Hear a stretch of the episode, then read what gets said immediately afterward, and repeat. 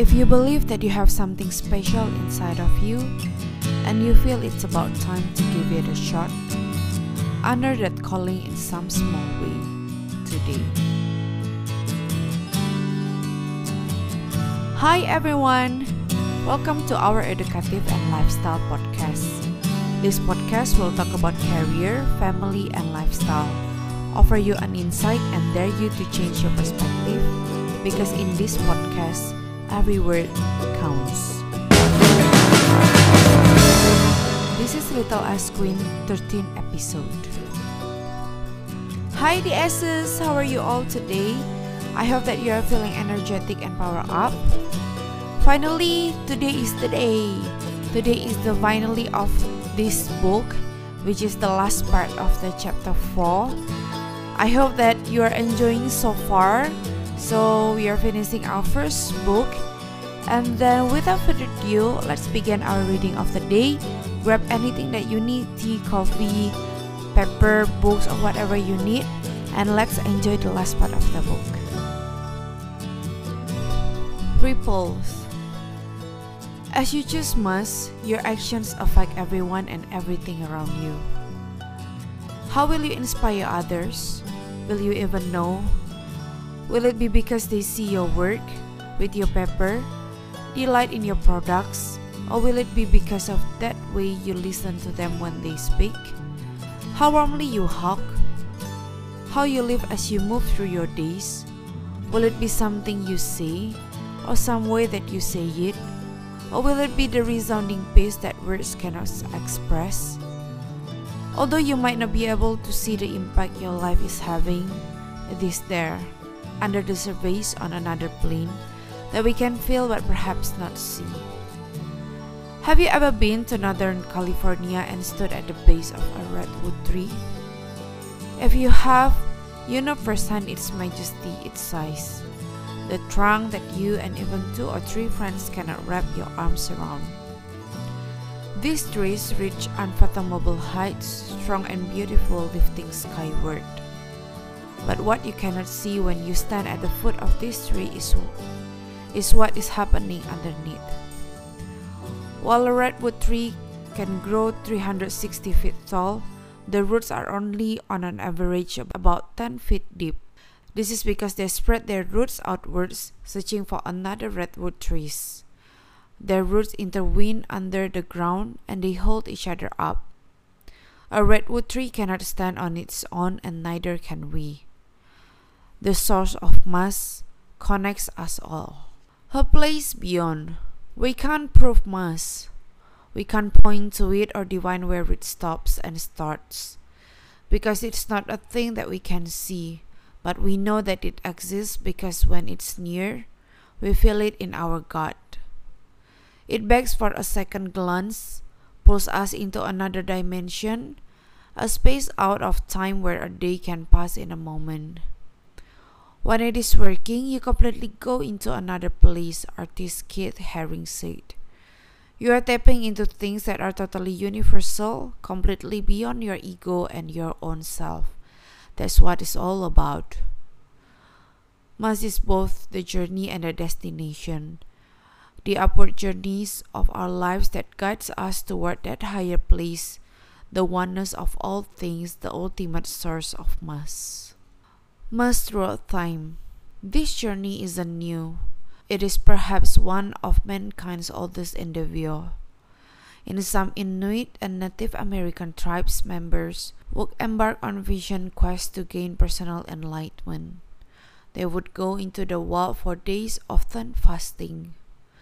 The journey's purpose was to reconnect with nature and their spiritual realm, and through this immersion, have dreams or waking vision to give them guidance. Australian Aborigines would go on a walkabout journey, taken as an entry into adulthood, sometimes lasting several months. When Nipun Mehta was at the peak of building his company's ServiceSpace, he felt a deep calling to go to India. He ended up selling his company and convincing his new wife to join him on a pilgrimage.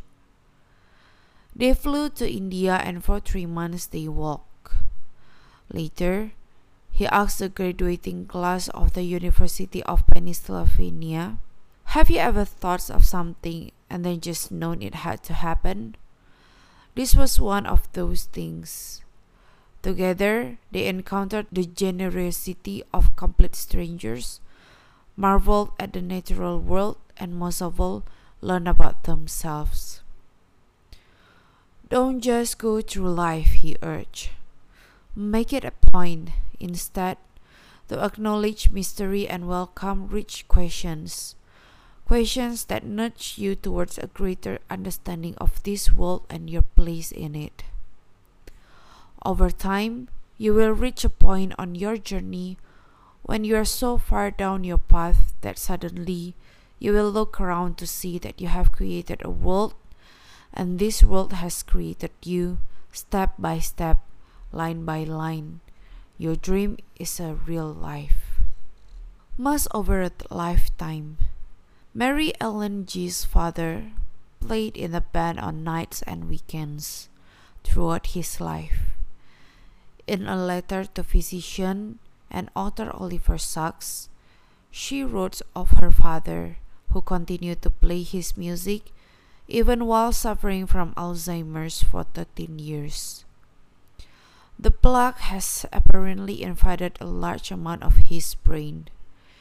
He has no idea what he did for a living, where he is living now, or what he did 10 minutes ago. Almost every memory is gone except for the music. In fact, he opened for the Radio City Music Hall Rockettes in Detroit this past November. The evening he performed, he had no idea how to tie a tie. He got lost on the way to the stage, but the performance, perfect. We each have a unique potential that was given to us at birth but whether or not we cultivate it is entirely up to us. In its purest sense, must is why we are here to begin with, and choosing it is the journey of our lives. If you believe that you have something special inside of you and you feel it's about time to give it a shot, under that calling in some small way today.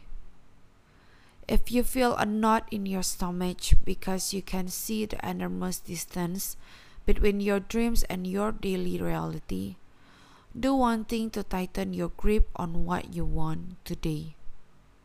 If you've been paring down the road to Mars but can't quite make the choice, dig a little deeper and find out what's stopping you today.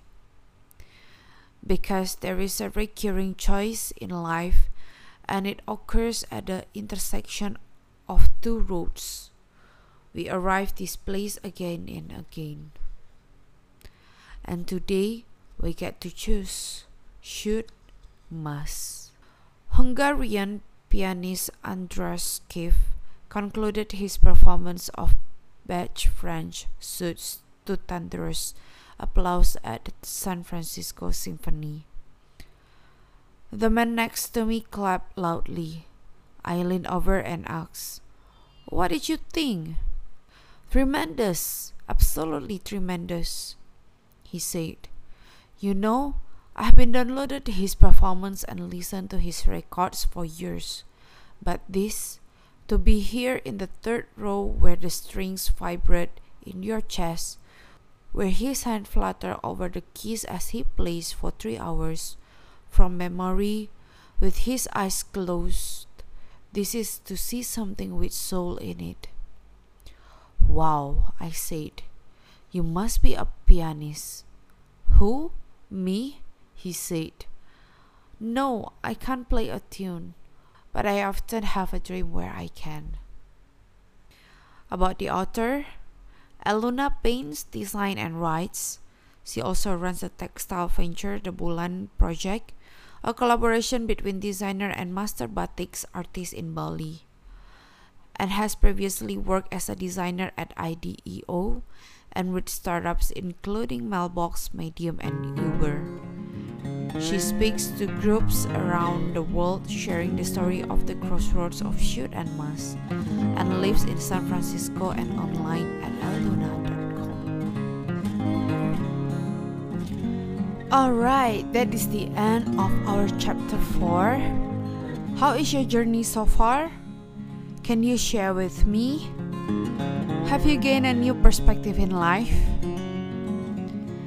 I believe that by now you should have found your must or at least one of your should to begin with. Anyway, I like her illustration about Mary Ellen Ski's father.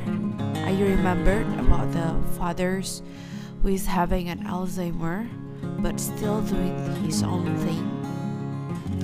I think it explains how much should be. It should be close dearly to us, thus, who we are is what we do. Such an excellent example, isn't it? It then triggers a question in my head What if I were that person having an Alzheimer?